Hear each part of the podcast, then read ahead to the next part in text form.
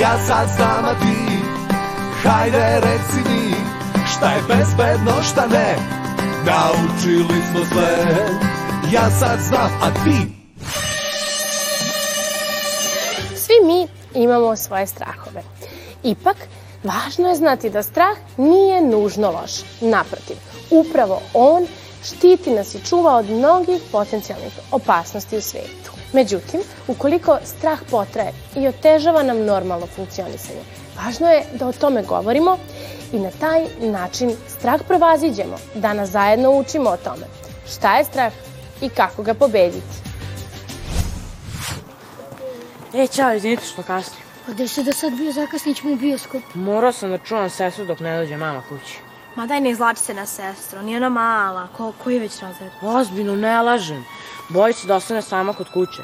Non stop se šteca kad čuje neke šumove ili kad neku komšiluku otvara vrata, ona misli da je to kod nas. Pa ja sam se bojala kad sam bila mala, ali više se ne bojim. Mora je ona da nauči. Pokušavamo. Mama joj govori da je već velika, ali ne znamo više kako. Moja se sestra boji da bude sama kod kuće. Ajde sama u školu.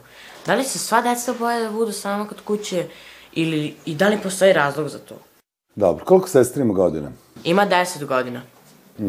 Mi vrlo često ovaj, na ovim uzrastima smo skloni da se plašimo nekih zamišljenih imaginarnih stvari, odnosno nekih događaja koje tokom dana doživljavamo. E sad, da li su to događaje iz crtanih filmova, nekih horor filmova, je va- u vašim godinama uvek vrlo popularno da se gledaju neki horor filmovi, pa kao fol ispadamo vrlo hrabri.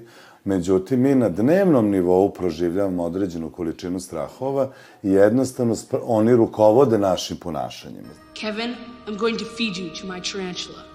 Kevin, you are such a disease. There are 15 people in this house, and you're the only one who has to make trouble. Look what you did, you little jerk. Znači, mi ne smemo da dozvolimo da ovi imaginarni, odnosno zamišljeni strahovi rukovode našim ponašanjem. Iz tog razloga ona se boji da ostaje sama kod kući i tako da ima povremeno i nekakve, mi to zovemo akoazmi, određeni šumovi, pa se ti šumovi pretvaraju u određene korake,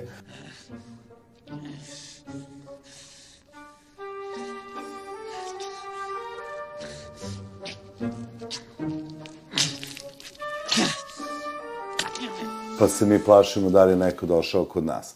Ovo sve pripada u kategoriju razvojnih strahova i negde šta mi kao psiholozi, ljudi koji rade sa decom i adolescentima, očekujemo da će se dešavati između 8. 9. i 10. godine.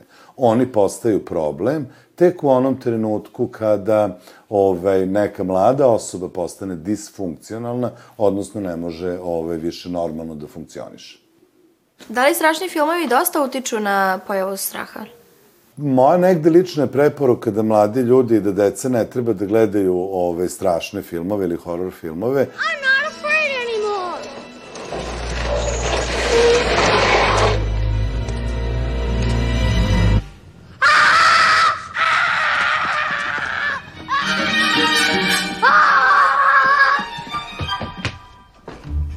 Pogotovo što su svi oni danas kategorisani. Znači, treba da gledate one filmove koji su sprem uzrasta na kojem se nalazite, jer vidite, vi kad ste mladi, vi ne možete da sebi objasnite zašto su se neke stvari desile. A u čovekovoj prirodi je da poželi da sebi pojasni zašto se određene stvari dešavaju.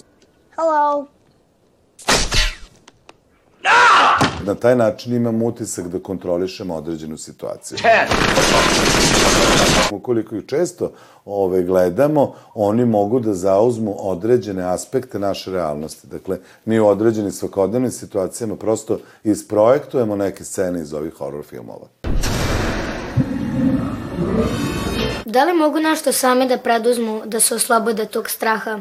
Pa naravno, vidite, veliki procenat ove, dece upravo u razgovoru sa roditeljima, da, dalje sa ove, svojim vršnjacima, ove, može da izađe na kraj sa sobstvenim strahovima. Prvo, shvatimo, veliko je olakšanje kada shvatimo da nismo mi sami i jedini koji imaju ovaj strah, nego ovaj strah ima i neki drugar, pa nam recimo drugar da neki njegov fazom kako se izborio sa ovim strahom, ili vi njemu kažete šta ste vi uradili sa određenim strahom, ili prosto mama i tata vam ukažu na to da taj vaš strah nije opravdan. Najčešće ove, na ovim uzrastima jasne i konkretne instrukcije koje dobijamo što od roditelja, bližnjih, odnosno starijih ili nekog u školi, ove, koji konkretno usmere na određeni strah na taj način što će objasniti njegovu verovatnoću, njegovu realnu osnovanost, ovaj, će dovesti do toga da se taj strah, tako reći, razuslovi, odnosno nestane.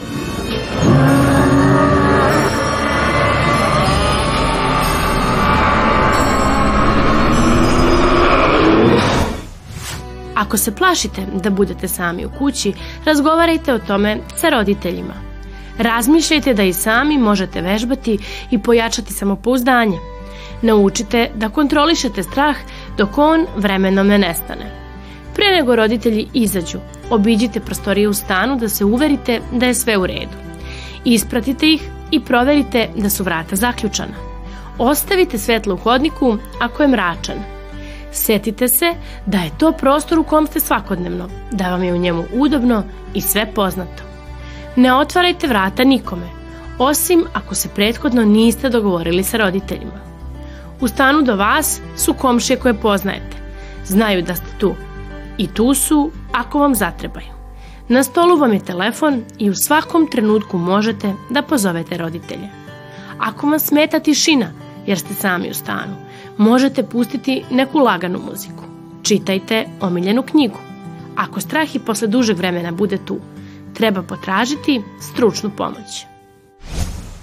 Da li ste znali da su jedina dva urođena straha strah od naglih i jakih zvukova i strah od gubljenja podloge? Svi drugi strahovi stečani su dok upoznajemo svet i sve opasnosti u njemu. Nadamo se da ste sve o čemu smo danas govorili pažljivo slušali i naučili. Ja sad znam, a ti, hajde reci mi, šta je bezbedno, šta ne, naučili smo sve.